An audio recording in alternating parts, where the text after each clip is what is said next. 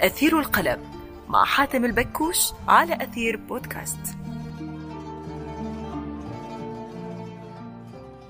العزيمة والإصرار والإرادة والإيمان وحدهم الكفيلون بتخطي الصعاب وانتشال الفرد من القاع إلى القمة.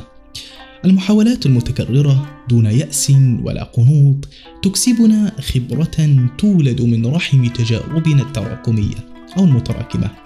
فيصبح الطريق نحو القمة أيسر وأسرع بعد كل تجربة ويصير بلوغ القمة عادة. عندها قد يتشابه طريق البداية والنهاية. وقد نفقد في الأثناء فرحة ولذة الصعود وإلهام القمة كما كان من قبل. ولكن كلنا نعلم أن تحديات الحياة لا تنتهي.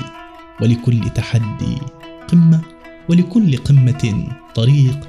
وفي كل طريق عثرات. وقد نخرج من كل طريق ومسيرة بخبرات وتجارب تصنع منا أو فينا إنسانا جديدا بروح متجددة.